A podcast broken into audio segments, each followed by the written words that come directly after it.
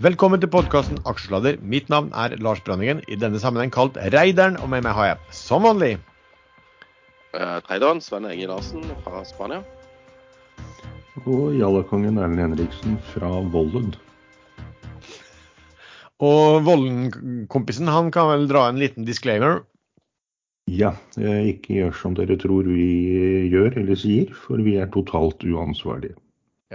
Vi gir ingen råd. Dersom du hører på hva vi sier her om markedet, aksjer, enkeltaksjer og livet for øvrig, er ansvaret helt og holdent ditt eget.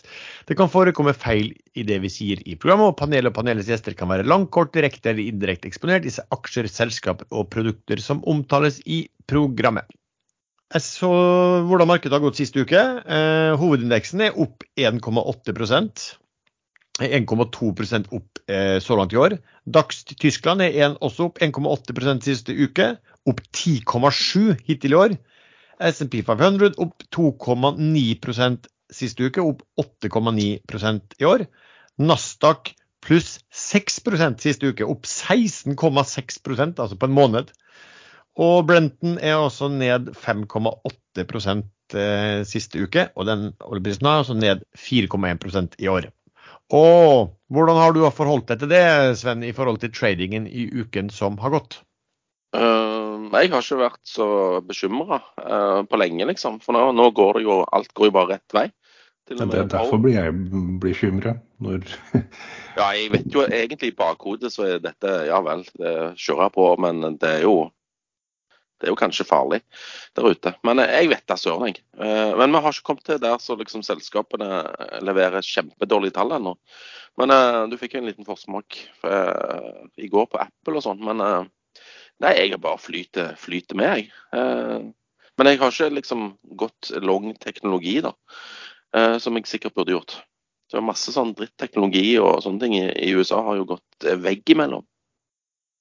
Ja, jeg husker ikke hvor mye Apple Nei, Tesla er jo noe voldsomt opp også på kort tid, f.eks. Jo, men ifølge Ja, det doblet seg. Nesten. Ja, i, ja i, fra min spådom har doblet seg. Fra min spådom om at eh, Tesla skal gå konk i så har den gjort det ganske sterkt, da. det er fair å si. så den, den var good. Ja. Ja. Nei, eh, men du vil vel sikkert eh, fram til hva jeg har gjort denne uken? Ja. Um, jeg har jo da uh, begynner med det uh, Nå solgte jeg akkurat litt AEC. Uh, jeg har uh, solgt denne her uh, Biofish Holding. Så den ble, den ble jo en kanonkule uh, for min del. Jeg hadde vel rundt 700 000 aksjer da totalt. 453 000 jeg fikk på én krone, og, og, resten kjøpt under 1,20. Så, så den ble kanon. Fikk ut mesteparten rundt 1,80, så jeg var kjempehappy der. Der eh, har jo en war warrants-pakke som da kan innløses om eh, litt under seks måneder. Så da venter vi på den. Jeg liker veldig godt caset, men han gikk veldig fort opp, syns jeg. Så da hoppet jeg av, rett og slett. Um, ellers så har jeg eh, kjøpt eh, obligasjoner i Doff. Jeg har funnet ut at det er en veldig eh, lur måte å skaffe seg eh, Doff-aksjer på. Nå som de forrige Doff-aksjene blir nulla.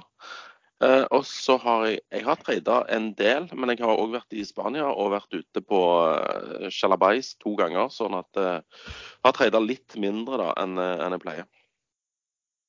skal vi se Jo, jeg har trada litt i den Hyon. der var det en presentasjon i dag, ikke de store nyhetene, men viser at de fortsatt har 25 millioner pluss i cash, så det er bra.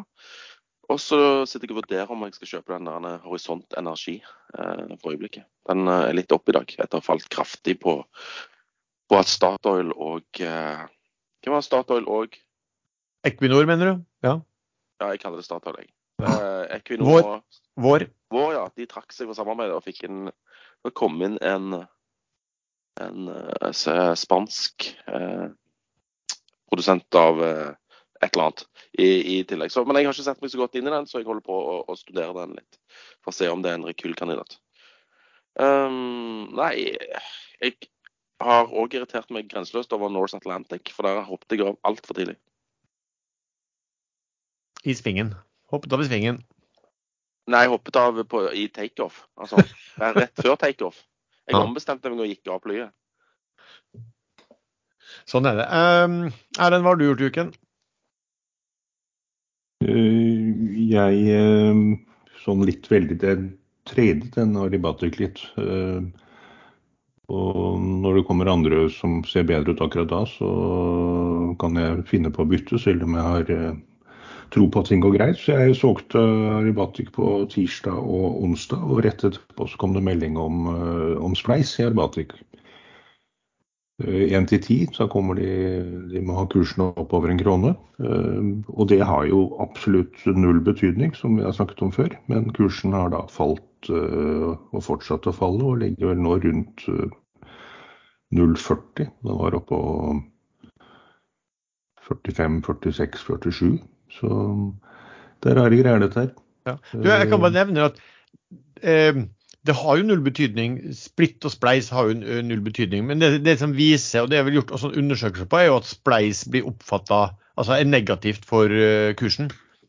Um, ja, spes det er jo... spesielt, spesielt, i sånne øretrillere så er jo det litt av det kule greiene at folk føler at de får masse aksjer for, uh, for små penger. ikke sant? Og så det er et eller annet følelsesmessig at du, at du det, det, det, ser billigere ut plutselig. Det er vel et eller annet sånn, sånn psykologisk som slår inn her, da. Ja, så er det vel en del som, eh, særlig små aksjonærer og tredere, som håper at selskapet skal komme noe gullkantede news og dra kursen over en krone, så de slipper å spleise. Eh, ja. Og når de melder spleis, så skjer jo ikke det. det. Men det har absolutt null betydning. Eh, fordelen med å komme over en krone er jo at litt mer seriøse, seriøse aktører kanskje begynner å se på aksjen igjen. Men den er jeg da ute av. Er helt ute av US-aksjer. Der gikk det så bra, så det turte jeg ikke mer. Eh, og de jeg så på, det gikk, noen gikk opp og noen gikk ned, og det går jo så brutalt opp og ned. I hvert fall den type aksjer jeg ser på. Så, så jeg er glad jeg holdt meg unna den forrige uka. Men eh, jeg begynner å lukte litt på det. Men i går så jeg på noe som heter eh, SI. Som er Silvergate Capital som er en sånn uh, kryptoselskap, uh, indirekte kryptoselskap. Uh, jeg kan ikke noe særlig om det, men jeg så at BlackRock tok en 7% eierandel. Og kursen nesten doblet seg. Og Så vurderte jeg å gå inn, og så plutselig i aftermark ettermarkedet så gikk kursen ned med en fjerdedel igjen. Og det var fordi denne Sam Bankman-Fried-saken, eh, FTX, er det heter. Eh, da ble Silvergate etterforsket for muligens å ha eh, gjort noe krøll med de pengene fra Bankman-Fried. Både FTX og hans private fond. Så da ramla kursen godt igjen, men nå er den litt opp. Men BlackRock må jo begynne å skjerpe seg litt, for de var jo også inne i FTX. Eh, men noen og 20 millioner dollar. Det er småpenger for dem, men eh, de har tydeligvis gjort litt dårlig due diligence på disse kryptoselskapene. Ja. Eh, jeg vurderer faktisk selv disse tech-selskapene nå, men nå har kursen doblet seg, og det kan jo sikkert skje en gang til. Men jeg tror nok jeg skal vente til eventuelt det settes nye all time high før jeg begynner å gå noe inn i markedet generelt for begynner begynne å slappe av. For dette her virker som en uh, virker som en uh, forberedelse til mye større utsalg. Det går altfor fort opp. Jeg har tatt uh, SAS i Sverige. De jobber seg gjennom chapter 11-prosessen. og Foreløpig så har det ikke kommet noe negativt der. De har landet avtaler med alle leasingselskapene og pilotene og kabinpersonalet. Uh, mulig det står igjen noe med kabinpersonalet der, men jeg, så vidt jeg har skjønt går det greit. Og i går så meldte de at eller gang var det kanskje, at de skulle De har gitt tilbud til alle flyrkabinpersonalet om å begynne å jobbe i SAS isteden. Uh, og mange av dem kommer fra SAS via Norwegian og til Flyr, og nå tilbake igjen til SAS tydeligvis. Men det at SAS da går ut med tilbud om å ansette kabinpersonale fra Flyr, det tyder på at de selv tror at de kommer til å overleve denne chapter 11-prosessen. Og bare sånn For å presisere, så vil kursen da falle ned til emisjonskursen på mellom 5 og 10 øre et eller annet sted. Eh, nå ligger den på nesten 0,50. Så det er ikke noe trade på verdier, men det er trade på potensielt vakuum. At det, per i dag så er det ikke så veldig mange aksjer. Ikke i nærheten av det det kommer til å bli. OK. for min del, Sist gang så snakket jeg om uh, Hafnia, som har vært, vært, en favoritt. Var inn og ute da, og satt litt grann da på gjerdet og, og veide mot alt gull og grønne skoger som kom fra nesten selskapene og analytikere, kontra at de spotratene hadde falt en del. Men uh, jeg ga etter på det på var det sluttauksjonen, tror jeg, på uh, fredag, og kjøpte ganske mye uh, Hafnia. Som er vel opp faktisk 7% siden da. Eh, forresten interessant med Hafnia er jo at de, de, de kommenterer vel at måten de disponerer flåten på, og har veldig mye fartøy i Asia for tiden, gjør at de, de, det spotfallet altså de, har vesentlig bedre rater i spotten selv nå enn hva man ser ut ifra vanlige spotrater, sånn som jeg forstår det. Så har jeg kjøpt litt SDSD. Der sitter jeg jo hele tida og regner på, um, på rabatter. jeg har Hunter Group snakket vi om siste gang. Det var vel min ukens favoritt. Den har jo gått veggimellom, fordi at man kunne jo kjøpe den på 1,85, og så delte de ut 1,8. Og da var det en altså Så du betalte reelt sett en, en fem øre for det, og den er jo nå oppe i 18 øre i dag, da. Så det har vært veldig bra. Det, det var nesten sånn risikofritt å, kjøpe den. altså Det skulle så lite til, for du, du betalte altså 1,85. De delte umiddelbart ut 1,8, og så skal de dele ut fire øre til. da. Så, men, men hvorfor, hvorfor, har ikke du solgt den, da? For det har jeg gjort. Jeg solgte den på rundt 8,5 øre. Jo, jeg sa vel saka at jeg hadde solgt den. Jeg har også solgt den. Um, tok mine prosenter. Altså, men kanskje litt dumt, for vi har sett det gang på gang altså, at sånne skall, når de blir skall, de går litt sånn eh, veggimellom. Men i det tilfellet her så tenker jeg at nå, nå priset den altså til en eh, på 18 øre, så priset den til over 100 mill. Eh, og så har de da en 20 mill, litt kanskje de har i beste fall 30 mill. da, i, i cash, og, som da stort sett skal deles ut. Så du, liksom, du betaler 70 millioner kroner for et skall. Ja, det var litt mye. Det er veldig mye. Og, og, det, og det, Hunter Group kommer jo ikke til å brukt, bli brukt som skall heller, i, i, tradisjonell måte at uh, du får en reverse takeover. For alt tilsier at det er Arne Fredli som sitter og, og nærmest kontrollerer det. Alt tilsier at Hunter Group ligger stille inntil de finner ut at de skal investere i nye, sannsynligvis da, skipseventyr.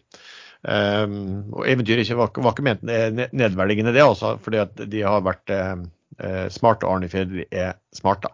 Men altså, det, det, betyr jo i forhold til at det blir på en måte slag, et slags investeringsselskap, hvor du starter med å gi investeringsselskapet en merverdi på 70 mill. før du har kommet i gang. Så, og det syns jeg ja, det blir eh, litt stivt. Men den falt aldri noe. Den falt bare så vidt under 0,8. Jeg satt og håpet på at den skulle ned til kanskje 0,3-0,4, men det skjedde aldri. Ja, men det, det var jo Lars sin feil, for han, eh, han eh, han fortalte jo om det caset sist uke. Sånn at eh, det å få tak i veldig billige hunter på mandagen, det var jo umulig pga. Lars. Ja, Fredelig solgte jo, så han syns jo òg at det var fair priser, sikkert. ja, det var vel en form for indikasjon. Jeg vet ikke han har, om han har solgt seg videre ut, men det var en indikasjon på at nå begynner det å bli uh, fair priser. For det er klart at de, de, må jo altså, si at de nå flagger at de, de, skal kjøpe så og så mange båter til den og den prisen, så må de jo hente inn penger. Og, og det er lett ikke, blir ikke enkelt og at du får en merverdi på den dealen eh, som gjort. Eh, det er vel heller at man skal komme seg inn på det samme nivået, vil jeg tro. Eh, og så vil jeg, så vil jeg, bare si at hva Arne Fredel har gjort der, det synes jeg er et eksempel til etterfølgelse for veldig mange investeringsselskap. Fordi at han sier at bli med meg på en tur eh, på tankeinvesteringer. Og så selger de seg ut og deler ut pengene, sånn at de som var interessert i tankesatsingen, de, de får avkastninger på den. Uh, og så sier han at ok, når vi satser på neste ting, så må, må, vi be om nye penger. Og Det er mye bedre enn alle disse investeringsselskapene som vi ser, som kanskje de gjør noe bra, men du blir dratt med i neste uansett case, uansett om du vil eller ikke. Og så ender du opp med å få uh, at de prises til 30% rabatt, så du kommer deg aldri ut i nærheten av de verdiene som er.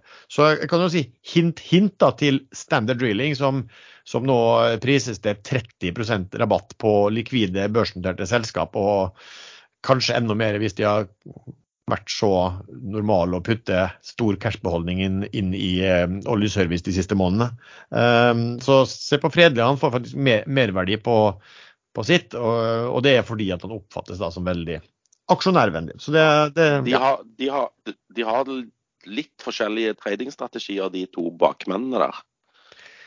Når den ene finner ut at han ikke vil mer, så er det liksom Da skal alle få svi. Ja, det er jo 'burning down the house' nesten når du er, når du er litt lei. Bre- Brente jords taktikk. Ja, Hva og det, kalte du for noe? Grønne sølet? ja, Du det, har vært inne i alt grønt og hamset opp og Det er litt på kanten. Han må ta seg sammen litt.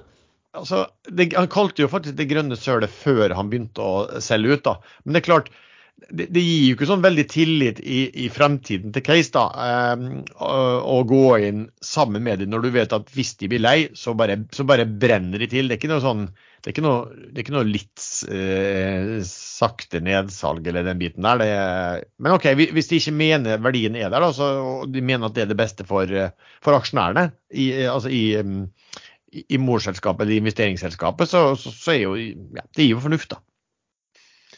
Men OK, eh, Hunter hadde jeg da solgt. Jeg har også solgt, jeg var også inne i Biofish som eh, Sven. Solgte meg også ut. Det ble også veldig bra. Fortsatt irritert fordi at eh, jeg fikk så lite, men egentlig så er jeg mest glad for at det var Sven som eh, gjorde meg oppmerksom på den. Um, så det ble veldig bra på det jeg fikk. Og så har jeg også da eh, 125 000 warrant til 1,10, som eh, faktisk er Når kursen gikk over to kroner, vi var på 2,10, så la jeg vel ut, eh, meldte vel inn at den, den eh, warrantsen kunne selges, men jeg fikk vel ikke noe bud som var interessant på den. Uh, ellers har jeg kjøpt uh, en del BV-LPG. Uh, den er vel opp 1 siden. Jeg har uh, kasta ut det jeg hadde av jeg hadde litt grann, altså disse green minerals som jeg ikke skjønner noen ting hva er verdt, som jeg fikk fra um, Seabird som en utdeling. Uh, og så shorta jeg um, Rexi og fikk meg en fin ukelønn på det, for jeg shorta vel på ja, 19 og tok tilbake igjen på 18. Og skulle egentlig bare venta, men eh, short bruker ikke å være min, min hoved... eh, Nei, plutselig er du blitt kynisk shorter òg her. Rå, råtass er du blitt. Lær, vet du, lære av deg, vet du. OK. eh, Sven, hva har vi hatt da av eh, emisjoner slash nedsalg i uken som gikk? Eh, Jeg husker to. Eh, Begge er rigg-relatert. Eh, Den ene heter Shelf Drilling, og den andre heter Noodle. Eh, Vi kan ta den siste først. Noodle henta 10 millioner dollar på kurs 31. Én krone ned fra da den stengte. For å finansiere advokatregninger til disse advokatene som eh, driver og kjemper mot eh, verftet nede i Asia der. På, på, to, på to rigger som eh, det, fore, det kommer til å foreligge en sånn eh, voldgiftsdom eh, fra eh, før sommeren. Så eh, vinner de, går aksjen firegangen. ganger, taper de, så går aksjen i null. Så der har du liksom to mulige utfall. Ja. Har, har du forresten sett på den kontra Du har jo et annet selskap, en sånn blå kopi av det. Avilko Drilling er jo akkurat det samme også. Ja, de henter jo òg penger til advokater. Ja, Og- det er akkurat akkurat det samme. Denne emisjonen ble jo veldig kul. Ja. Denne Nodel ble ikke så veldig kul. Nå ligger han vel litt under eh, emisjonskursen. Det kunne vært interessant å sette eh, prisingen av de to opp mot hverandre. Men altså, jeg vil jo tippe, altså, det du ikke vet, er at du, må jo sette deg inn i hvordan caset står rettslig, selvfølgelig. i forhold Ja, til hverandre. Det er en enorm juridisk risiko. Ja. Men eh, ja, så jeg tør ikke å sitte med den, selv om oppsiden er stor. Nei. Uh, og så, ja, uh, Shelf Drilling uh, De henta vel penger til det de kalte for General Corporate uh, Hva det heter for noe? Generelle Pur- selskapsformål. Purposes eller et eller annet, ja. Ja, ja. eh, noe, de skulle ikke kjøpe noe eller et eller annet. Det var for å gi mer i lønn til sjefen eller et eller annet. Nei, jeg vet da sånn. Eh, men jeg blir med der òg. Eh, Tegna for en mill og fikk eh, aksjer for eh, Hvor mye man fikk der? Ca. 5 eh, eh, Så jeg yppet ut med en krone i fortjeneste og ja, ja. Det var ikke det helt store. Men det var stor interesse for uh, aksjer i, i Shelf. Ble gjort på 26,5 ned fra rundt var det vel 29. Han tredje før emisjonen. Og nå er han vel tilbake rett under 29. Nei, den er 29,7. Er den opp i dag? Den er opp 5 i dag. fordi at uh, DNB gikk jo ut nå i dag og økte, dobla kursmålet fra 20 til 40. Um, det som var litt overraskende, jeg husker ikke hvordan de reglene men jeg trodde det var sånn at hvis du hadde deltatt i altså tilrettelagt for en emisjon, at da hadde du en, en lukket er periode. Ja, det er vel bare IPO, det. Det er Bare IPO, ok. For de, de var jo tilrettelegger for den eh, emisjonen som ble gjort på, og så kommer de da noen par dager etterpå og kursmål 40. Men jeg, de sa ikke noe om Sadness. Eh, ikke det jeg har fått med meg, i hvert fall. Nei, for jeg kjøpte den tilbake igjen. Eh, Jeg solgte jo den eh, forrige uke. Da har jeg kjøpt tilbake litt Sadness igjen. Men eh, trist aksje i forhold til mor. Sånn det, er er altså, altså Mora eh, ser bedre ut enn dattera. Det er ikke så ofte. Ja. Eller kanskje det. Det Det er Ellen. Hva er dette Sadness for noe? Det er Shelf Drilling North Sea. Mhm. Og hvorfor kalles den Sadness? Eh, Tikkeren SDNS. Ja. Ja, Og så er det òg et lite ordspill på Sandnes, liksom. Selv om det ikke har noe med Sandnes å gjøre. Jeg, I en eh, nylig TV-serie så ble Sandnes kalt for Sadness. Ok. Så det er Eh, litt sånn intern da for oss rogalendinger. Men det var et par selskap som har meldt også at de eh, kommer til å komme med emisjoner. Ja, det er alltid et sjakktrekk. Og hvem er det? Ja, det er sånn groovy, groovy greier eh, på Engebø. NOM, blant annet. Og disse NTI. Ja. N- Norex Titanium. Ja, nå, for da har du jo NOM sier jo at skulle, de, skal, de skal hente 66 millioner dollar. Ja, det er ganske mye. Og det må de òg. Det snakket vi vel om i vet ikke om det var forrige episode eller episoden før, at de må hente dette her innen utgangen av mars for å betale for et eller annet. Ja. Og så har du NTI også, som drar rundt og sier at vi skal hente penger. Ja, det er kjekt. Og øh, fra før så har vi også BV Ideol, som også sier at de skal hente i løpet av første halvår 2023, da. Hekla Eh. Holding òg har sagt de skal hente penger.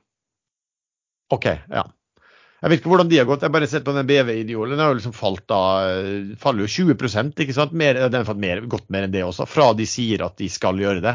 Eh, apropos du snakker om sjakktrekk. altså Kom heller med meldingen. Hvis du begynner å si at du skal gjøre det, så opplever man jo bare at kursen altså Hvem kjøper da? Da begynner kursen bare å skli og skli.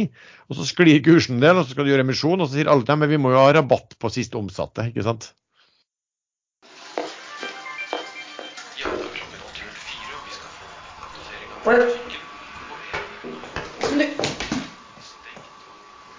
Oi. Tror kanskje at Doffen er litt sliten. Kanskje han rett og slett trenger å hvile seg litt. Du Nå henter mamma en kopp, og så kjører mamma Doffen ut på landet. Så kan han være der på den der feriekolonien, vet du, der Ole og Dole er. Og så kan han være der og bare kjenne litt på hvordan det er å ta litt vare på seg selv. Hva skjer da? Doffen er daua. OK, eh, da har også Doffen formelt sett daua. Erlend, hva, hva tenker du om det, det som har utspilt seg nå? Vi har altså snakka om den i, i tre år, har vi om uh, Doff-aksjen, og den endte også med å, å daue. Tanker om det? Ja, Det var vel ca. tre år siden jeg fikk en T-skjorte. Det var på Rakfiskfestivalen i Fagernes. Av min venn Rune som bor der oppe. Uh, han hadde laget den med offisielle logoen til Rakfiskfestivalen. Og på den så var det et bilde av en død fisk med buken opp. Uh, som, med sånne luktestreker. Man ser, ser på bildet av tegningen at den lukter vondt. Og den heter 'Doffen har røtna'. Og han fikk rett. Det tok tre år.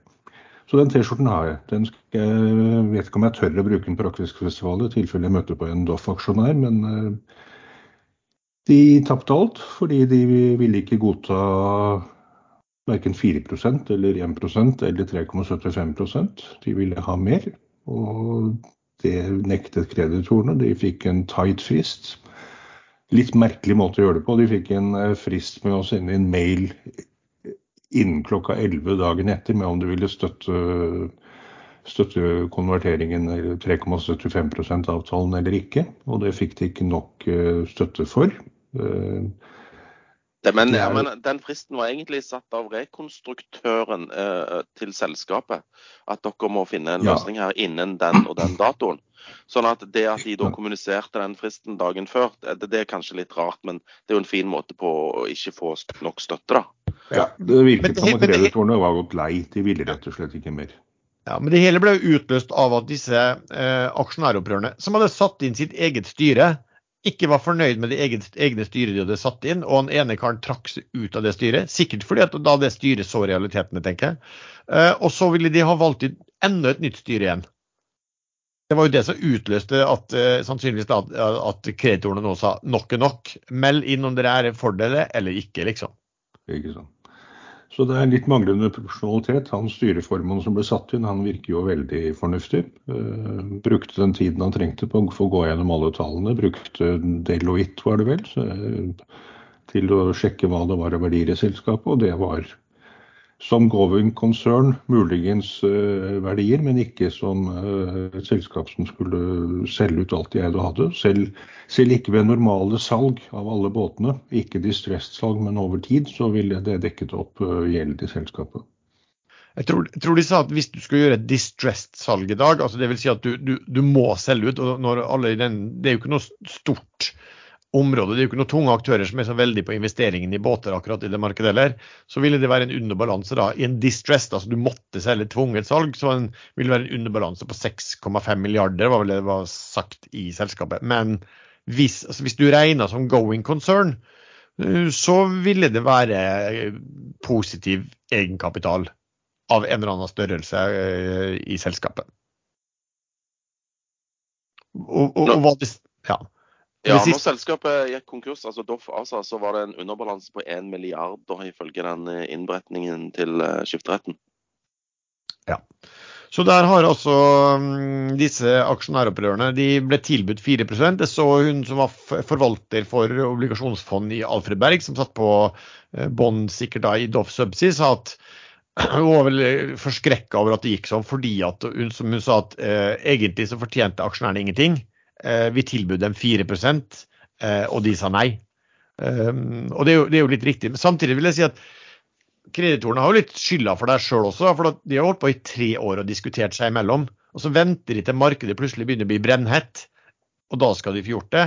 Da, så, så, så hadde de gjort dette for tre, to, én, seks måneder siden, så hadde det jo sikkert gått eh, veldig eh, mye, mye greier. Og så ble det støyen og endte opp med konkurs, da. Men du altså, Men var det noen som så også at de, tydeligvis har disse opprørerne tenkt å fighte videre, for de har tenkt å bestride eh, konklusjonen. Og da så jeg de, de hadde satt, sendt ut et skriv til, til eh, alle de som deltok i det opprøret, om at de hadde da brukt en veldig dyktig advokat som delte deres verdier. Og så ba de om penger da til, eh, til eh, ja, juridisk hjelp eh, videre. Men eh, aksjonærer kan ikke bestride en konkursbegjæring eller konkursvedtak i tingretten, men hvis de samtidig også eier obligasjoner, da kan de gjøre det. Så hvis de har vært smarte nok til å kjøpe seg litt obligasjoner før konkursen, eh, så kan de muligens bestride konkursvedtaket i tingretten. Det tror jeg faktisk ikke, fordi at Doff hadde ikke Doff ASA, som det er det som er slått konkurs, toppselskapet hadde ingen obligasjoner. Obligasjonene lå i et datterselskap som heter Doff Subsea. Så jeg tror Ja, ikke det ville hjulpet. Nei, ikke sant. Sånn sett. Men, eh, men Sven, du har jo begynt allerede å posisjonere seg deg for når Doffen skal, skal vekkes til liv igjen. Bull Phoenix. Eh, Doff, Doff eh, igjen på børs. Eh, det kommer nok en eller annen gang. Sånn at eh, Jo, jeg satte meg ned og begynte å regne eh, på ting og tang egentlig i går. For jeg fant jo ut at uh, disse her uh, Doffsub-båndholderne kommer til i utgangspunktet å sitte igjen med 53,3% av selskapet. Men det blir da uh, heva til eh, 55 fordi at eh, det er jo 4% som aksjonæren da ikke får lenger. Eh, Så det fordeles på eh, banker og, og eh, obligasjonseiere. Men jeg tenkte sånn i utgangspunktet, og, og det var min enkle matematikk i går, at OK, selskapet sier selv at egenkapitalen eller verdijustert egenkapital i en going concern er eh, ikke, gjerne ikke negativ, så jeg har satt den til null. så tenker jeg da at eh, de sletter gjeld, altså eh, konverterer gjeld eh, totalt på 5,7 milliarder kroner. Og da vil jo eh, alt annet like eh, egenkapitalen være rundt 5,7 milliarder, tenker jeg. Og så eh, får eh, obligasjonseierne eh, Total obligasjonsgjeld er rundt 3,2. De får et bånd i tillegg på 675 millioner til en lav eh, rente. 2 pluss Nibor. Eh, eh, som ja, sikkert ikke blir så veldig sexy, det, det lånet der. Men uansett, 55% av 5,7 milliarder som er konverteringen, det er 3,15, tror jeg regnet i går. Så hvis du kjøper obligasjonen til pari, altså 100% så uh, får du uh, aksjer til uh, egenkapital 5,7, og du får i tillegg dette gratisbåndet. Uh, og jeg tror jo at siden det ikke er noe emisjon eller noen ting, det er kun banker og obligasjonseiere som sitter med aksjer i det nye Doff, så kommer det til å bli litt interesse for de aksjene, vil jeg tippe. Litt type sånn som skjedde i, i ProSafe. Ja, men i Prosef ble det jo dumpa ganske lenge da, på, på kurs. Ja, men nå, nå, er det jo eufori i supply-markedet. Eh, altså Offshore supply vessels er jo kjempehot for øyeblikket. Ja, du, du, har en sånn vekting der med at det er det ene, men, men så får du også en horde med det jeg kaller for ufrivillige aksjonærer. da. Men jo, men de pleier å være litt trege. Ja, det, men har du sett at det ligger en mekanisme på det Doff Subsea-båndet? For det satt jeg så på også for et par dager siden. at det er at mesteparten av disse aksjene du får eh, som båndholder, de er bundet. Du får ikke solgt de.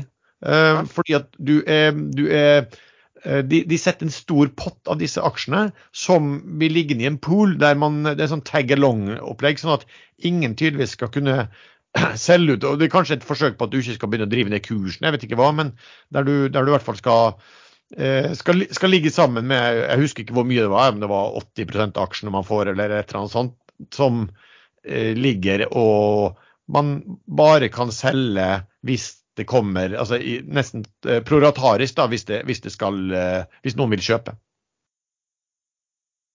Har du ikke lest det? Nei, jeg var ikke klar over det. Jeg skal ta og lese meg opp. Ja, Men det trenger ikke gjøre, det trenger ikke gjøre dealen din på noen måte noe, noe dårligere. Du, du, OK, du, du, får ikke benga ut kanskje de aksjene med en gang, men samtidig så, så, kommer det heller ikke da massivt med aksjer, i hvert fall fra den biten til, eh, til salgs. Så vet jeg ikke om det samme gjelder for den andre biten som konverteres, som er vanlig, som er vanlig bankgjeld. Men jeg gjorde jo også det regnestykket ditt, eh, Sven, jeg tror jeg, mens Doff fortsatt var i live. Og da skrev jeg vel at Sånn som, Da var vel den obligasjonen priset på 75 nå er den vel oppimot 90 kanskje.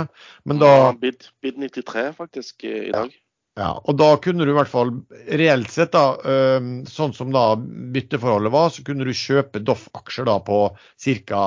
Ja, 55 øre per aksje via det Doff Subsea-båndet. Og da var det jo litt spesielt da, at folk kjøpte Doff på børsen til 70, eh, år, 70 øre når de kunne gå konkurs i, i, morgen. Men det er jo ja, det er bare sånn det uh, Men vet du noen ting om sånn tidshorisont på når, når, du, når det her kan bli konvertert? For da hva, hva det, skjer jo, det, skjer jo, ingenting før etter konkursen er ferdigbehandla. Eh, men det bør jo i dette tilfellet gå veldig raskt, i og med at boet allerede er solgt. Er boet allerede solgt? Ja, disse her eh, finansielle investorene kjøpte jo det fra bostyrer i går. Ok, det, Så det, det, er avklart at de har gjort det allerede? Det kom jo egen børsmelding på det. Ok, det så, det så jeg ikke. Uh, så da har, de, da har, de, altså kjøpt Doft Services, da, som, som, ja, som Sikkert med altså, motytelsen er at de sletter gjeld eller whatever. fordi at eh, De må jo betale noe for dette, men de, ja, ja. de, de eier jo alle fordringene. Ja, Motregnes all rentebærende gjeld, da, sikkert. ikke sant? Ok. Nei, men da, da, tar det sikkert ikke så lang tid heller før den uh, kommer opp igjen. For det, det, blir jo et interessant selskap det også, med en, uh, med en, med en bra giring. Ja, og, og, får du Altså, giringen er jo formidabel fortsatt. Uh, du sitter igjen med et selskap med en nettogjeld på 14,5 milliard. altså de hadde 2 milliarder cash og så 16,5 milliard i, i, gjeld etter eller konvertering. Og så, hvor mye Det var en som sa til meg i går OK, si de klarer EBITDA på 3-4 milliarder og kjører en EV EBITDA på på 6-7. Så sitter du med selskapsverdi på eh, 24,5 eh, milliard. Og så har du gjeld på 14,5. Så da har du plutselig gjort tregangen på, på de aksjene. Ja, Hvis du får så høy EV-EBITDA på det. Ja ja, det vet jeg jo ikke, men eh, Ja. det var bare et eksempel. Ja, jeg tror det vil, ja, det vil ligge, vil anta at det ligger litt lavere på, på gode tider, men det, det, får man, det får markedet bestemme. Det er spørsmålet spørsmål i euforien. Og da skal man vel sitte litt lenger enn du pleier å sitte, Sven. Ja, jeg får ikke, jeg tydelig, Ifølge Lars sine opplysninger så får jeg ikke solgt aksjen engang. Nei, sånn er det. Uh, ja, det har jo skjedd andre ting, da. Store ting med selskap. Eh, vi har også snakka mye om REC og dette med Hanva, og vi har jo også besøk av eh, Karl Johan Molnes fra Finansavisen som har snakket om hva han trodde om dette. her. Og i uken nå så kom da det endelig en eh, melding om slags avtale mellom REC og Hanva, hvor kursen gikk vel opp han var vel i hvert fall opp 30% den ene dagen. Sånn sett, den, åpna, den slutta vel opp da på, på onsdag 25 til slutt. da. Eh, Hva er din take eh, på, på meldingen og kurs og alt mulig, Erlend? Eh, Det det er snakk om sånn generelt, er jo hvor mye Hanva egentlig bestemmer. Og om det er i REC-aksjonærenes interesse. Og der heller jeg til at her har Hanva gjort en god deal. De har laget en tiårs avtale, fast eh, takeoff-avtale på 100% av produksjonen fra Moses Lake. eh, hvor de har satt en minimumspris som markedet ikke vet hva er. Det ble de ikke opplyst om. Og de har satt en maksimumspris på offtaken som markedet heller ikke vet noen ting om er. Og så skal de komme ut med et betydelig forskudd uh, i løpet av uh, våren, forsommeren en eller annen gang. Uh, før de starter opp eh, denne fabrikken til neste år, er det vel en gang. Kanskje slutten av året. Men det står ingenting om hva det betydelige forskuddet heller er, og det forfaller et obligasjonslån på det er vel 100 millioner, er det det? Eller 120 mil, vet dere? Jeg husker ikke akkurat det størrelsen på. Uansett 100 millioner kroner, og hvis det forskuddet ikke dekker både oppstartskostnadene for fabrikken og obligasjonslånet, så må REC sette en emisjon. Da må de hente inn penger. Og da spørs det jo hva den blir satt på. Um, Så jeg, eh, litt generelt, jeg kan en god del om gruvebransjen. Jeg har vært involvert i et selskap. Jeg har sittet i møter i London med, med Glencore bl.a. Og diskutert offtake-avtaler. Og den gangen var ikke de interessert i noen avtale med gamle IG, som hadde et nikkelprosjekt i Nord-Sverige, for de var ikke kommet langt nok. Eh, Så da var de ganske åpne på at eh, for et gruveselskap å inngå en offtake-avtale på 100% av produksjonen i altfor mange år, det er stort sett bare negativt. Det kapper oppsiden. Og mm, som Molne sa i det siste intervjuet jeg så på, så sa han at øh, prisene, jernmalm, øh, nikkel, øh, uansett hva det måtte være, det er stort sett øh, ganske traurige saker. Det ligger dødt og lavt i mange år, og så plutselig stikker det til værs. Og det er den oppsiden man venter på som investor. Eh, For da kan sånne selskap eh, som ser gang på gang, da går de ekstremt høyt i en relativt kort periode før prisene faller igjen. og så ja. Så det, det er liksom Hva er REC nå? Eh, I mitt hode ganske dødt. Det er en liten oppside. Det kommer høyst sannsynlig en emisjon. Så hvorfor kursen stakk fra 14-tallet til, eh, til 19-tallet på den meldingen, det skjønner jeg ikke. Og den ramla veldig fort tilbake. Nå ligger den på 1670. Men, men hvis altså Hele greia her er jo at REC skal få åpne denne Moses Lake-fabrikken sin. Og da trenger de en offtake agreement. altså De trenger å ha noen som, som forteller at ja, vi forplikter oss til å kjøpe mm, de produserte mm, varene. Det og det er det de har inngått da med, med Hanva. ikke sant? Og, så, så det gir jo mening. altså eh, Jo, hvis Ti år på 100 markedet- av produksjonen, det, det, det tar bort alle mulighetene for å kunne øh, få til noe morsomt på siden. Eh, La oss si det hadde vært på 50 av produksjonen på fem år, eh, så er det noe helt annet. Eller 100 i fem år, bare for å sikre, sikre oppstart og ha en viss tidshorisont som det går an å forholde seg til. Men ti år, det er, det er lenge. Ja, jeg ser det, men, men samtidig så er det jo sånn at eh, de, som du sier, da, de trenger jo finansiering for å både refinansiere og få penger til eh, investeringene som trenges til å få opp fabrikken. Så det kan jo være også at Ja, långivere også eh, vil synes at en, en trygg cashflow vil være bedre enn en som kan variere mye etter pris. Da. Men, men samtidig så er det sånn at altså, den meldingen sa jo ingenting om pris. Ingenting. Eh, Den sa vel at eh, Jeg registrerte at den, den, de skrev at prisen skulle være knyttet til visse indekser, sto det. Men det sto ikke hvilke indekser det her eh, ville være.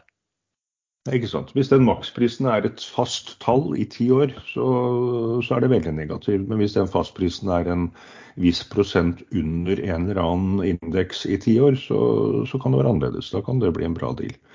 Men nå er jo ikke REC bare, bare Moses Lake og, og, og det de produserer der. Det er jo også sylengass eh, som de produserer i bytte, og de har jo også verdier i bytte. Så, så det er mange variabler i det regnestykket, men eh, for min del så ble den ikke noe veldig interessant. Og jeg tror ikke det kommer til å skje noe særlig der kursmessig før, eh, før man vet mye mer detaljer om den avtalen.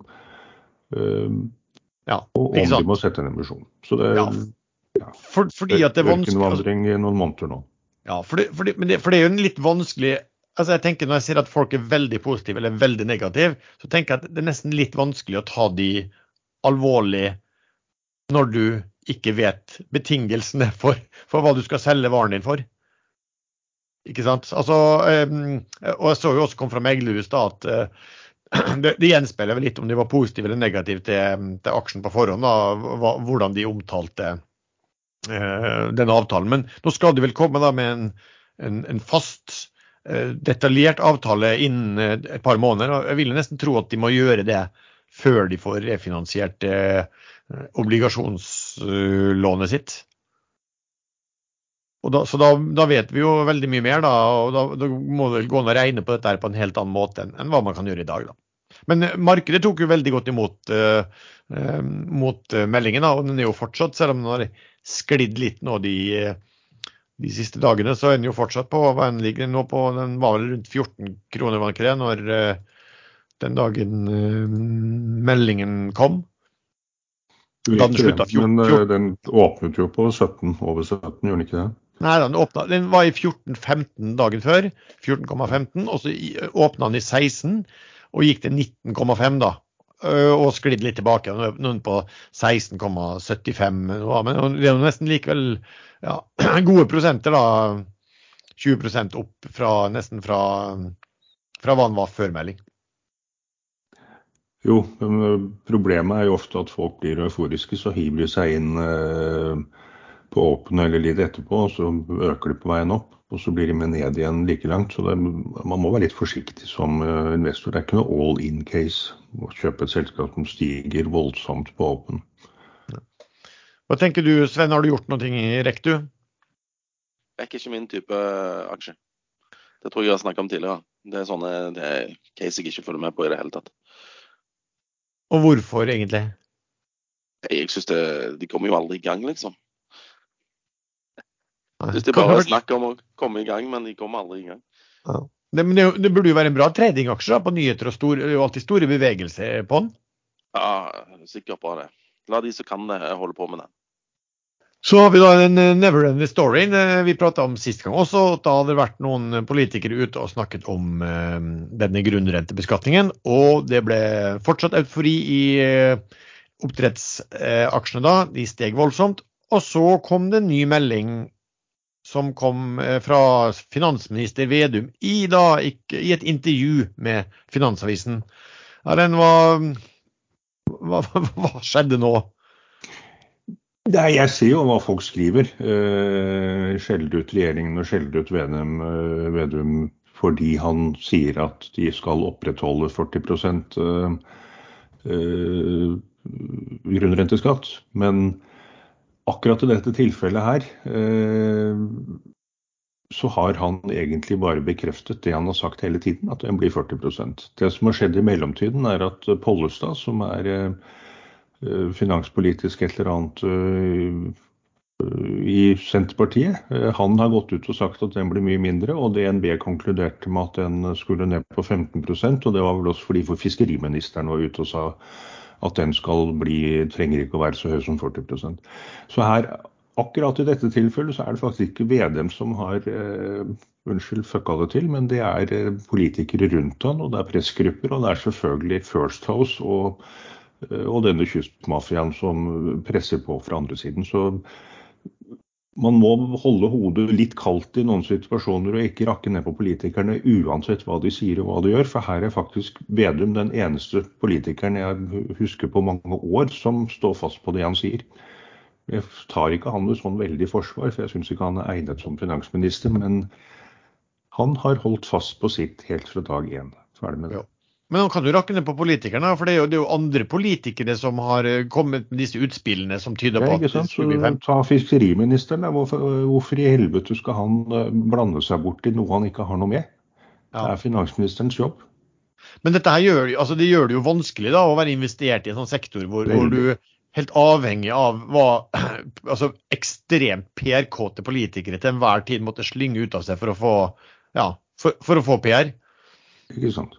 Men Høyre prøvde jo sin tid, de hadde den kommisjonen, og de kom med et forslag, og det lå vel rundt der eh, Senterpartiet og dagens regjering nå har vedtatt at det skal komme på. Eh, Men de trakk seg fordi eh, Nå sier jeg vestlandsmafiaen litt slemt, da, for det er jo en grunn til at de rotter sammen. Det er mye arbeidsplasser og mye penger å snakke om på Vestlandet. Eh, Men First House eh, bruker alle taktikker, og de er veldig dyktige. Eh, Så de lager et enormt lokalt press eh, og trekker alle tråder i regjeringen og kontakt. Så Høyre turte jo ikke.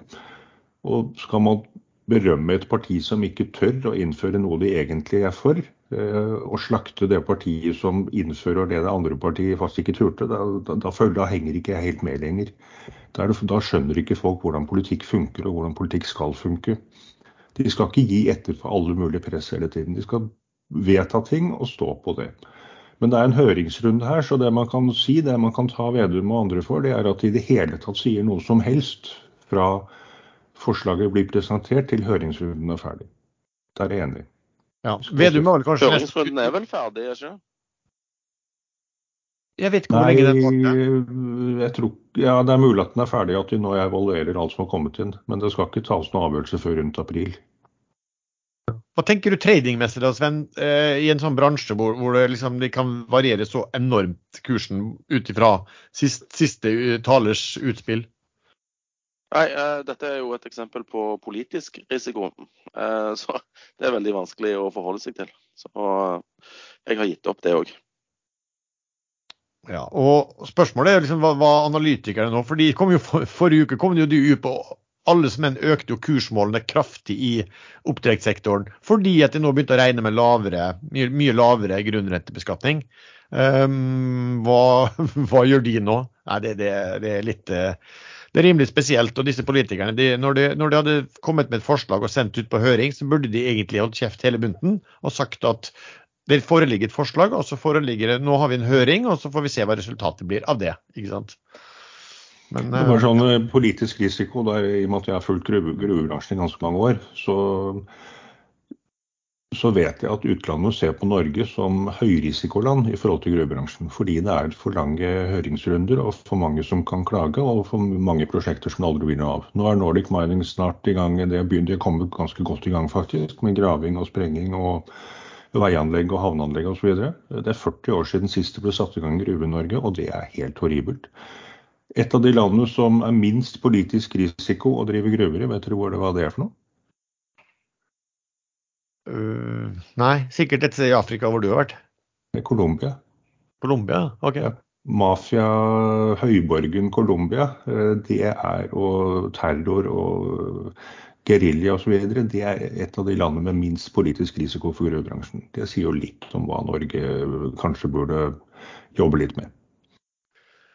OK. Um, Sven, makro. Nå har det vært um, rentemøte i både europeiske sentralbanken og i Federal Reserve, den amerikanske sentralbanken, øh, denne uken. Hva, øhm, hva har kommet ut av det? Europeiske sentralbanken hever vel rentene med eh, 0,5 prosentpoeng, mens den amerikanske hever med forventede 0,25 prosentpoeng. Og sa at de var data dependent framover, og at uh, de trodde, eller Jerry Powell uh, trodde at uh, de nok kom til å heve renten eh, et par ganger til før de var ferdig. Eh, Men markedet tok det veldig godt imot, og godeste Powell virka i denne her eh, remarks- og, og spørsmålsrunden eh, ganske mye mer duete enn han har vært de siste gangene. Så eh, Nasdaq gikk veggimellom og fortsatte dagen etterpå. Så ja, eh, godt mottatt av markedet. Jeg fulgte ikke så veldig godt med på ESB, så jeg vet ikke hvordan egentlig eh, markedet, rentemarkedet osv. Eh, reagerte der. Eh, men det er vel òg forventa litt eh, Altså en ny dobbeltheving neste gang. Ja, den fulgte du med på hva som, hva som ble sagt? Nei, ikke så mye. Det, det er alltid litt moro når han skal snakke etterpå, eh, Q&A-session etterpå. For, men det, det begynner å bli en stund siden han snakket ned markedet den, så Ja, ja, det var jo en del som hadde trodd at han Altså, eh, de, de liker liksom ikke eufori. De liker ikke for sterk børsoppgang, fordi at tesen er jo da at børsoppgang leder til sterkere etterspørsel, og de ville heller ha ned etterspørselen. Eh, Så Derfor er det jo snakk om at når, børsen har gått så voldsomt som den har gjort da de siste ukene i USA, så er det noen ting de ikke liker. Men en- han, Jeg så ikke på det selv, men jeg forsto også som, som Sven sa, at han framstår som mer duete, da, mer, mer, mer forsiktig, og sa vel at de så klare tegn til, til eh, inflasjonsnedgang. Det, det som jeg ser på makro som er litt sånn spesielt her, er jo at eh, USA ser jo veldig sterk ut, og de er veldig opptatt i Fed av arbeidsmarkedet.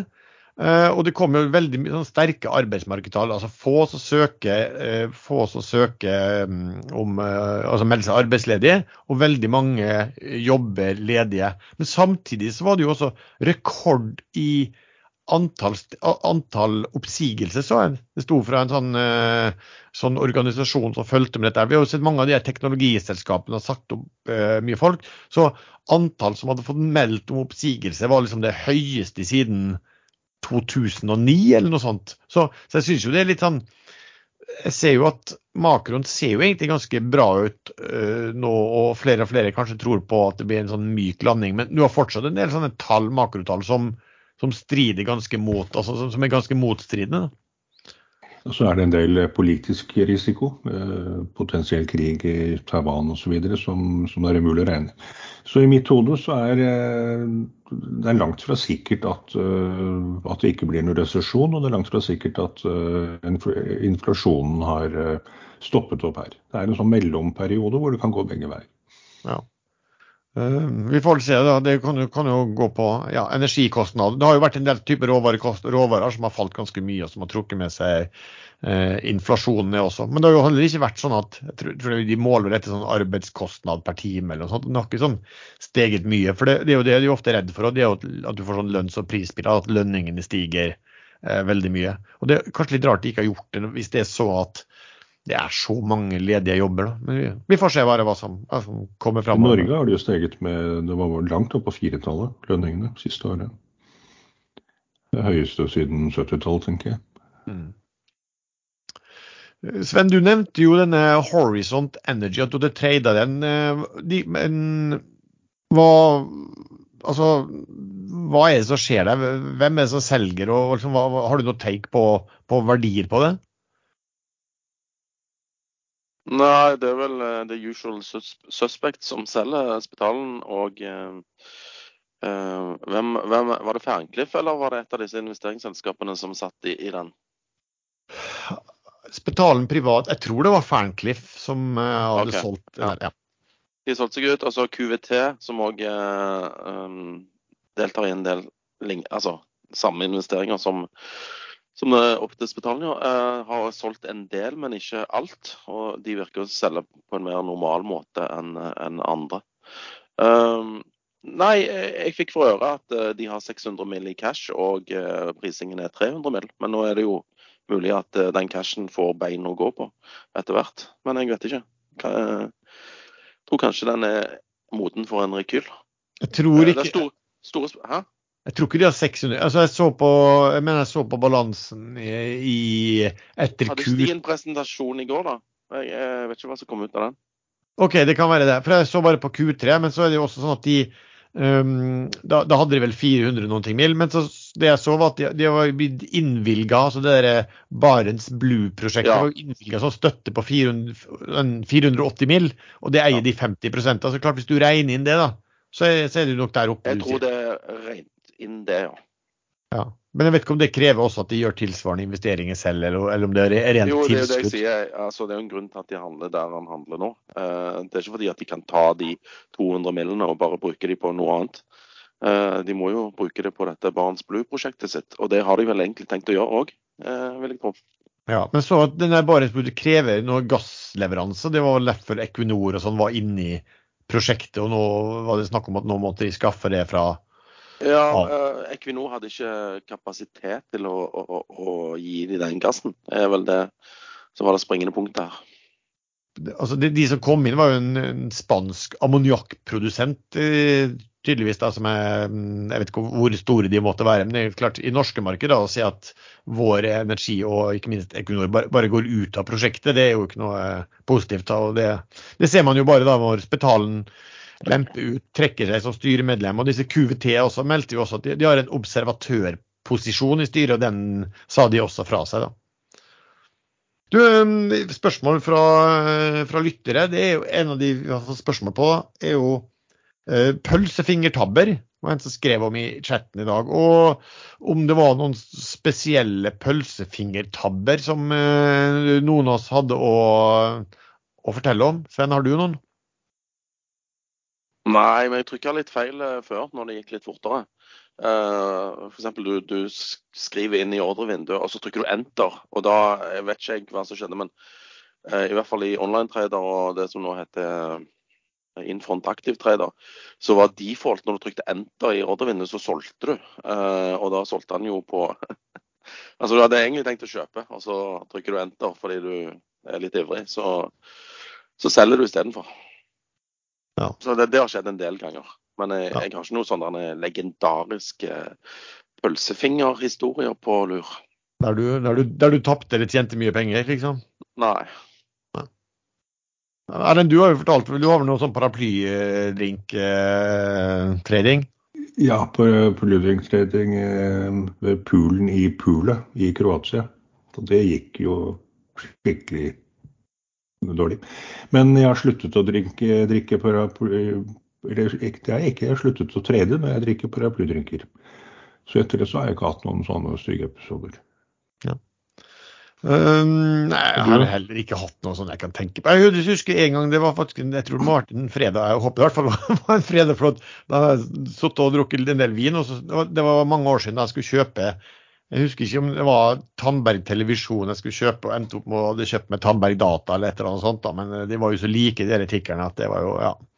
Eh, Fikk man en, en liten, liten promille, så var vel fort gjort, det.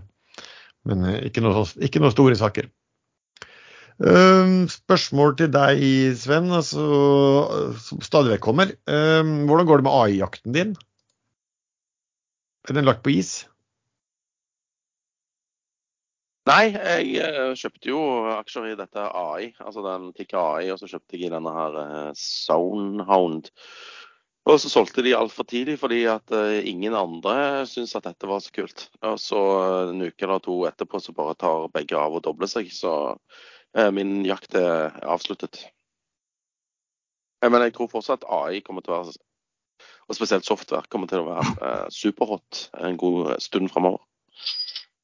Ja, vi er i gang med regnskapssesongen, um, og da blir det vel mye uh, spinntall, som jeg bruker å si. Jeg bruker jo alltid ha en sånn liten sånn eh, rage om bruken av EBITDA som eh, selskapene og, og analytikere hiver av seg. Og denne gangen så skal jeg faktisk ikke ta den, men jeg skal heller ta og klippe inn litt hva Warren Buffett og Charlie Munger sa om den eh, eh, bruken, eller rett og slett misbruken, som er vel verdt å høre for de som er interessert i tall.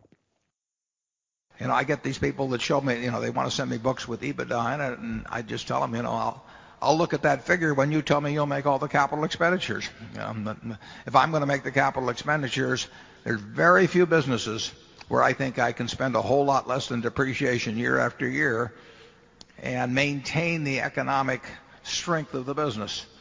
Uh, so I think I think the EBITDA has been a term that has cost a lot of investors a lot of money. You saw it in the telecom field. I mean, the idea that they were spending money so damn fast, you know, I mean, they couldn't have it coming in the door fast enough from investors.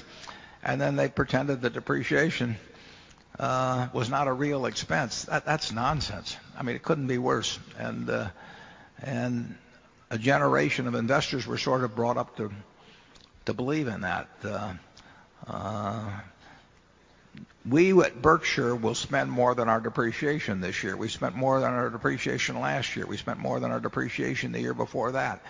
You know, depreciation is a real expense. It's just as much as you know, the expenditure for light.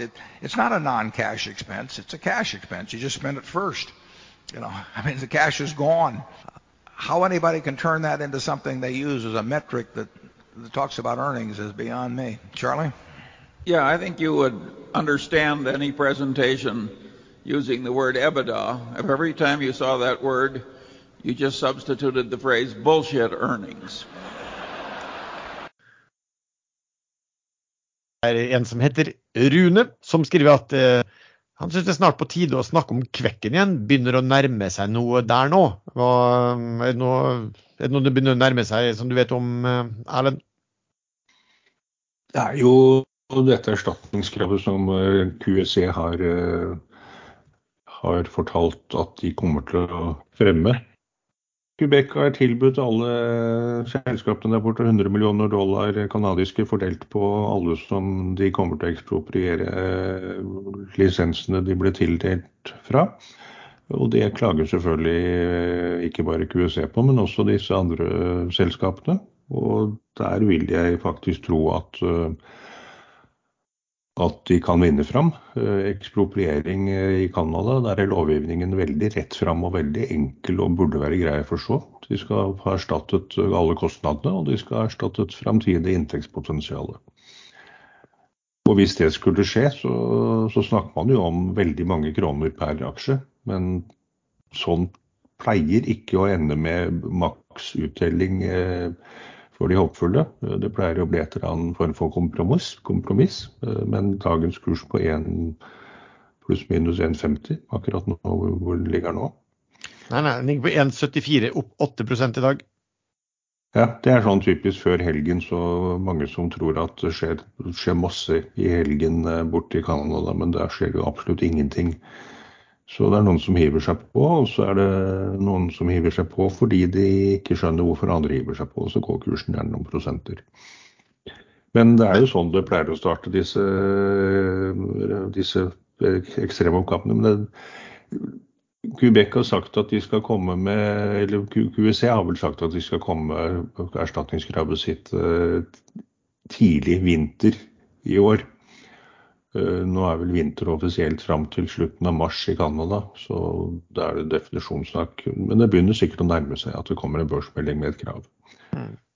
Jeg har også en, jeg har tatt en posisjon i det, og det er egentlig ikke for, fordi at ja, altså det er en sånn trading, men det er mer for at de, de åpenbart vil komme med et krav, og headline der blir jo milliarder, ikke sant? Og så kommer det sikkert til å bli noe sånn, oi, hvor mye utgjør dere dette per aksje? Og det blir sikkert, sant? Det kan man jo liksom sikt basert på hva man krever blir svindlende beløp, og det kommer til å trekke kursen, og du kanskje får et sånn run da. Det er vel mer basert på den typen enn, enn noe fundamental tenking hva, hva den aksjen eh, virkelig er verdt. Det er sånn fundamental tenking på sånne potensielle sky high case, det skal man kutte ut. Jeg begynte å google disse amerikanske selskapene jeg drev oss rede til. De som var liksom påstått at det var enorme shorter og de skulle gjøre masse grep. Og det som da kommer fram om Helbis og Genius et eller annet, det, det er vel egentlig et Singapore-selskap. Det, det, er jo fullstendig ren svindel. Det er jo lange ti år gamle episoder med svindelsaker fra de som driver disse selskapene. Ren mafia. Det er bare tull. Det er ikke noe verdier der. Eh, Så jeg kuttet ut å trede dem, og så dobla kursen seg i denne Genius etter der igjen. Eller i hvert fall opp 50 Så det, man, må, man må ikke skjønne for mye om sånne selskap. Bare ville være med så henge på. Ja, og det, men det er jo litt sånn, de blir litt lik disse vakuum-casene eh, dine også, at det er galskap som bare foregår. Ikke sant? In, inntil det ikke foregår lenger. og da, må ikke du sitte når musikken stopper, så er ikke, ja, det er ikke du som må stå og holde skjer, det er 100, 100 ting som kan skje borti USA. Sånn som da BlackRock som plutselig går inn, og så stiger kursen, og så kommer SEC med svindelanklager. Så, så det, det går veldig fort. Så Og noen av disse selskapene de benytter jo kursstigningen til å utstede sånne ATM og pøser aksjer ut i markedet, og da kan jo kursen gå ned 90% på raskere enn den steg opp eh, til 200 Nå har det ikke bare vært eh, Doff da, som har gått konkurs i vifta denne uken. Det har jo også et annet selskap vi har pratet masse om. Flyr. Sven, har du endet opp stranded i Spania pga. At du ikke får flydd hjem igjen, eller? Nei, jeg eh, flyr som regel eh, Norwegian, og det har jeg fortsatt med. Denne gangen faktisk med ikke ansatt billett, men eh, vanlig billett. Hva tenker du om Flyr-konkursen? Sånn Nei, var, den, kom som julekvelden på skjæringa, gitt. Uff. Det var en stor overraskelse. Nei, det var vel eh, en av de mest ventede. Så, men de prøvde seg jo på et siste desperat kapitalinnhentingsforsøk på 0,02 øre, som var pålydende. Ja. Eh, uten at det gikk. Ja. Men det måtte de jo gjøre også. Det er jo, det er jo jobben deres å gjøre det som, som selskap og prøve å holde det i, i gang og prøve å finne Ja, men de, de skulle hente mer enn sist gang. Altså 330 mill. Ja. Og det er mye, det er mange aksjer, altså. Ja, fordi de, de var vel sånn at de skulle gjøre en eller annen deal på disse leasede flyene også, men så fant vel motparten ut at de var så usikre uansett at de, for at de skulle inngå en sånn deal, så ville de eh, forlange at, eh, at eh, Flyr også henta konk. Da. Og de hadde vel ikke noe likviditet, de hadde vel noen, noen få millioner kroner igjen, var ikke det det? De hadde i kassa når de Ja, Det vet jeg de- ikke, men eh, de gikk i konkurs med 2,4 milliarder i gjeld, i hvert fall. Så ja, det tyder på en viss eh, underbalanse der. Men Flyr har jo vært flinke til å kommunisere hele veien eh, hvordan ting har vært. Jeg syns de har vært veldig åpne og ærlige, men akkurat på slutten, da de kom med disse wetlease-avtalene, hvor de skulle leie ut noe, halvparten av flåten over sommeren, eh, så prøver de å legge fram det som noe fornuftig. Eh, sikre inntekt, men det er jo det er egentlig sånn litt ren løgn. For det er jo sommersesongen som er da de virkelig skal tjene penger. Det er ikke da de skal lease bort flyene sine, det er vintersesongen som uh, Norse og disse andre gjør. Så det var en liten skrape i lakken, uh, men sånn er det.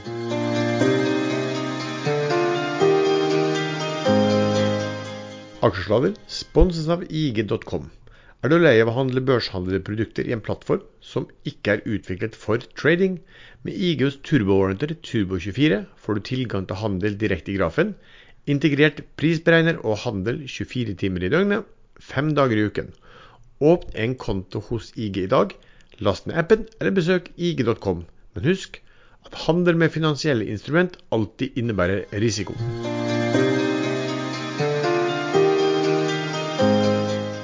Ok. Uh, nei, er det noe annet dere har lyst til å snakke om, eller skal vi kaste oss over ukens favoritter? Ok, Sven, hva, har du noe spesielt? Har du noe spesielt? Nja ja, jeg, liker fortsatt eh, Nå har jeg i mellomtiden dere har snakka tull og tøys, så har jo jeg eh, lest denne her eh, eh, avtale eh, mellom Doff og båndholders, banker og aksjonærer. Og det er riktig, helt riktig som du sier, at 20% av de nye aksjene, altså 16 eh, og 4% eksisterende, de 4% eksisterende har jo, faller jo nå bort. Så jeg vet ikke om det kommer til å bli gjort en avtale eller en endring i den avtalen eh, på bakgrunn av at eh, hvis du ikke kan handle med eh, noen aksjer, så er det vel ikke vits å børsnotere noe, tenker jeg da. Så eh, eh, jeg ser det forskjellige mekanismer for at eh, de to transjene av aksjer, da, eh, at den siste aksjetransjen eh, som da ikke kan selges umiddelbart, eh, kan bli gjort om til ordinære aksjer ved sånn og sånn, strukturert salg eller whatever. Uansett da, så er det mekanismer som da regulerer dette avtaleforholdet. Men på den andre side så vil jo verdiene eh, fortsatt være der bak hver aksje. Så om de selger det på den ene eller den andre måten, så tror jeg det er fortsatt en god deal. Eh, og så tenker jeg òg at eh, jeg liker fortsatt denne Hyon, selv om de hadde nå en business eller company update i uken. Eller den var vel i dag, forresten, klokken åtte. Jeg har bare bladd gjennom presentasjonen. Ikke noe særlig nytt der, bortsett fra at de fortsatt har 25 mill. Eh, kroner i cash. Priser til 35 mill., så ikke så veldig mye verdi i den eh, teknologien som de da har utvikla. Og så har jeg tatt bitte litt aksjer i denne eh, Horisont Energi, eh, kun på forventning om en rekyl på at de har mye cash, og at de prises på 300 millioner-tallet. Så 1, 2, 3. Doff Bonds, Hyon og HRGI. Um, Erlend, har du noe spesielt? Ja, jeg følger med på Hyon, men uh, jeg håper at det kommer litt sånn panikk, oppgivelse og dødsangst blant uh, aksjonærene, inkludert Sven, at det dumpes ut på langt under 0,50. Da kan jeg vurdere å ta den. Ikke ta det ille opp, Sven. Det var, var, ikke noe negativt. Det var ikke noe personlig mot deg. Um, ellers er jo denne Ensu, dette mikrobatterigreiene, den har falt fra emisjonskursen på to kroner til 1,15 nå. Nå helt nede i rett over én krone. Så den brukte jeg, eller regner jeg med kanskje ramler under en krone. Og da er jo spørsmålet har de kanskje ikke klart å få til disse batteriløsningene sine. Noe er det som presser kursen ned. Vet ikke. Men uh, jeg tar den heller hvis den begynner å stige igjen. Jeg tar den ikke på nedtur. Det, det må komme noe positiv melding fra dem snart. Det er vinn eller forsvinn. Hvis ikke de får store avtaler på batteriene, eller hvis batteriene ikke funker, da, da er det selskapet null verdt. Ellers så er eh, SAS nevnte jeg. Der eh, kommer det trafikktall nå på tirsdag, tror jeg det er, 7. februar, og det blir vel ikke nødvendigvis bra sånn nå på vinteren, men eh, det vet jo markedet. Så spørsmålet er om det blir bedre enn man frykter, eller hvordan det ser ut. Og om det kanskje kommer noen nyheter framover der. Det er ikke helt umulig at SAS kommer med melding om at de kjøper leasingavtalene til Flyr, hvis det er mulig hvis ikke, hvis ikke de leasingavtalene automatisk går tilbake til leasingselskapene ved konkurs. Det kommer an på hva som står i kontrakten. Men, men. Det er eh, bare for å gjenta det. SAS er høyrisiko. Den ligger kursmessig rundt ti ganger sannsynligvis. Minimum fem, kanskje ti ganger over der hvor emisjonen kommer til å settes i løpet av for forsommeren sommeren en gang. Så, så, er det dette Ørbit, dette svenske selskapet. Den ligger ganske død. Akkurat nå er jeg helt ute, eh, men plutselig er jeg inne igjen. Eh, få se. Kursen er litt over halvparten av emisjonskursen som ble satt i desember. Så de burde ikke ha noen pengeproblemer. Og de, de skal kutte ned på kostnader og øke aktiviteten der hvor de tjener penger. Men det er et langt prosjekt, og man har sett før at sånne sånne aksjer de henter inn penger, og så fortsetter bare kursen å falle. Så man vet aldri. Det er relativt høy risiko der, men ikke noe konkursrisiko. Og så må jeg se litt på USA, eh, hva som kan være mulig å ta der. Dette eh, SI-selskapet, Silvergate, hvis de slipper unna disse anklagene om svindel sammen med FTX, så, så, kan det bli veldig bra. For det er en sånn uh, pakkeløsning med en del krypto. Og hvis krypto snur opp igjen, som litt tyder på at det kanskje har gjort, så, så kan det bli en enorm giring der. Visstnok er det over 70 short i selskapet. Det er uh, registrert short, så, og da kan ting skje litt fort. Men uh, high risk når de har fått svindelanklager mot seg. Tja. Nei, det er, eh, det er, stort sett det jeg ser på om dagen. Uh, OK, da Ja, for min del, det, er jo en del av de vanlige når man er inne i Hafnøyen som går, og ja, um, og, og, og, rigg. Uh, tenkte jeg kunne bare nevne ja, Seabird fikk jo en ny avtale, en forlengelse av en avtale de allerede hadde. sånn sett, og Det, skal, det, det de sier der, er at eh, marginene på den skal være veldig bra, forlengelsen. Og Um, det, det er visst også snakk om at den kunden der kan, ha, kan komme med noen veldig store eh, anbud eh, på bruk eh, på seismikk nå framover, som også kommer til å kreve mye todebåter, muligens. da.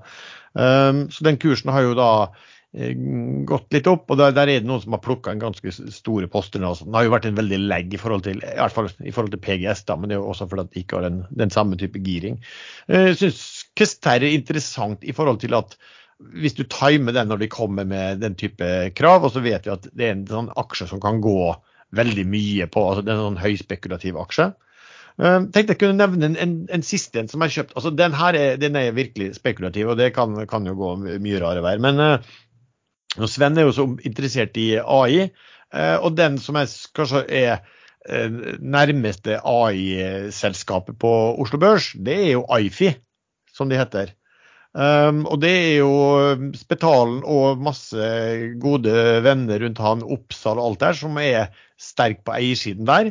Og, og de sitter også i styret. Merkelig nok så har de et kjempebra styre til å være et så lite selskap, men kursen her har jo falt da. Det, er, de eh, på, så på 0,65 på 111 millioner aksjer, så er, kurs, en pris til ca. 70 millioner.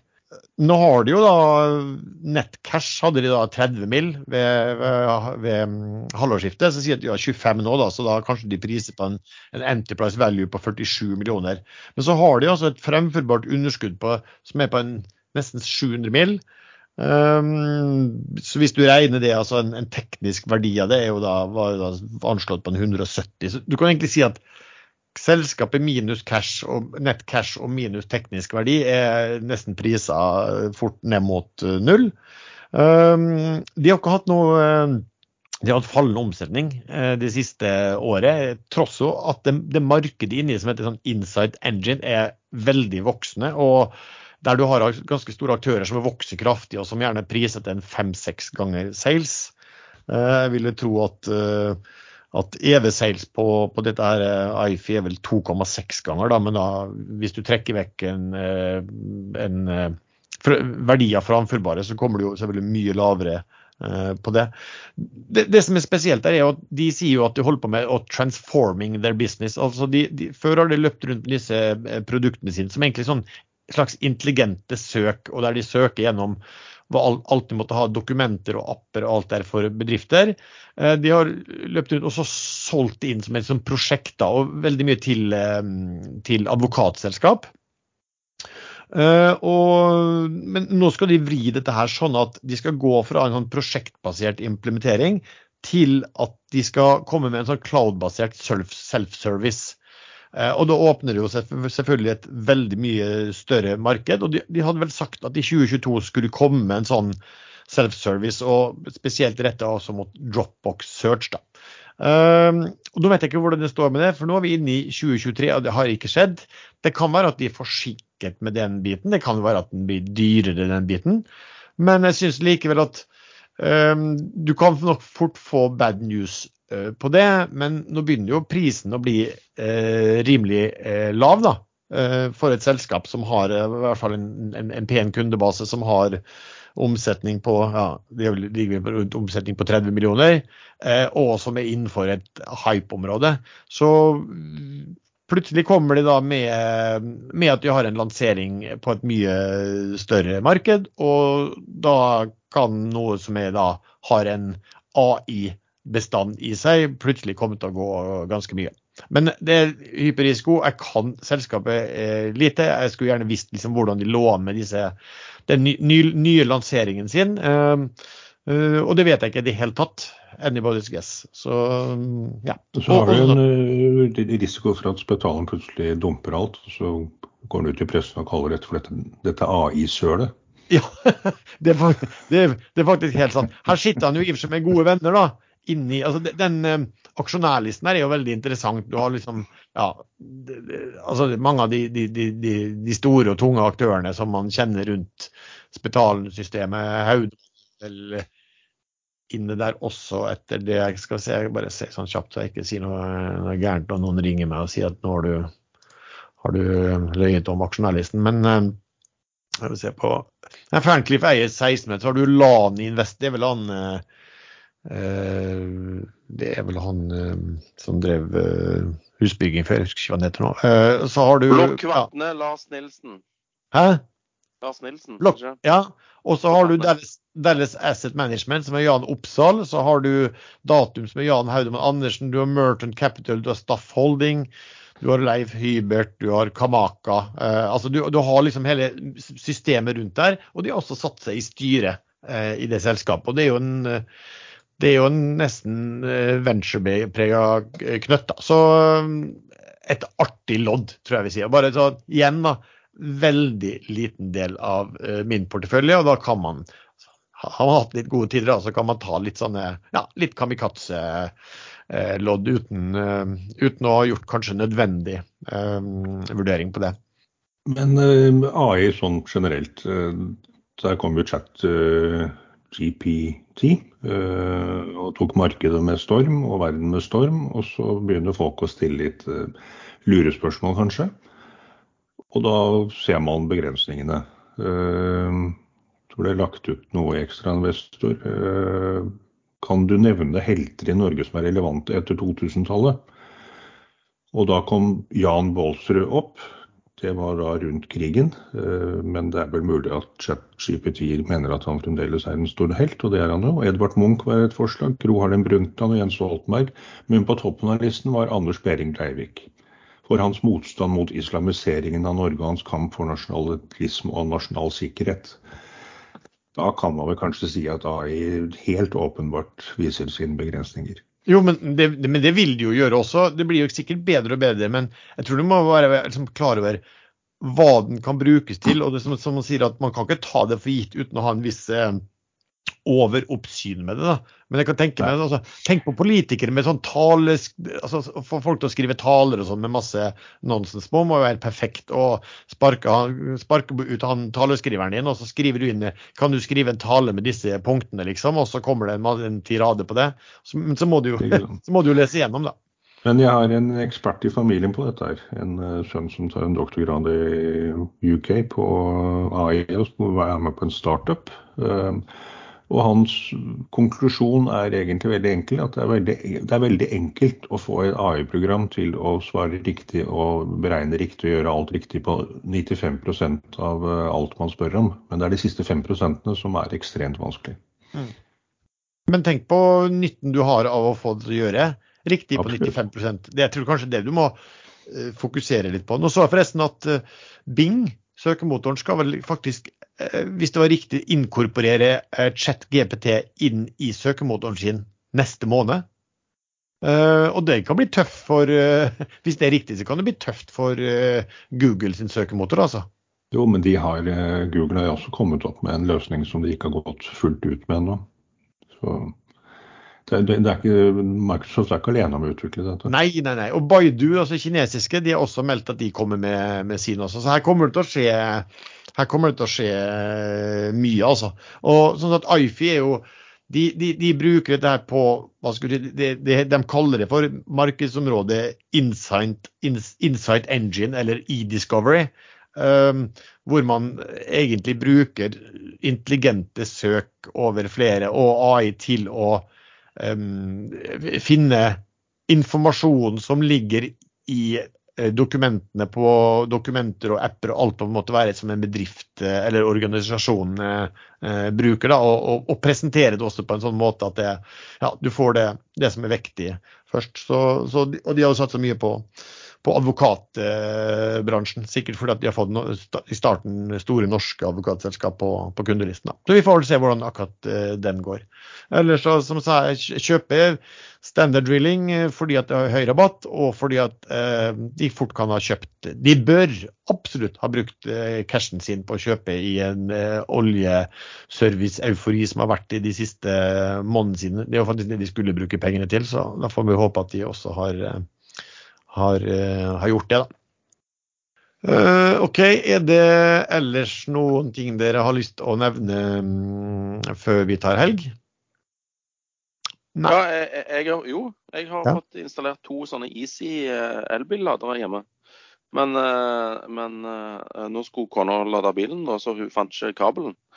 Eh, Så skulle medfølge. Så jeg må ta, jeg må ta en telefon eh, til noen eh, om litt. Det skal du få Dette lov var eh, veldig nyttig info, Sven. Ja. Nei, det var Lars som spurte om jeg hadde noe tillegg. så det var det jeg hadde. Ja, det var, det var, det var vektig, Sven. Ok, da takker vi til så mye til deg som har hørt på denne episoden. Du treffer stadig oss tre chattene inne på Ekstrainvestor. Vi har også en gruppe på Facebook som heter podkasten Aksjesladder. Musikken er som vanlig laget av sjazz.com, og vi høres. Du var litt forsiktig, Sven. En film som het The Cable Guy. Der var det vel en sånn fyr som kom med noen kabler og greier. og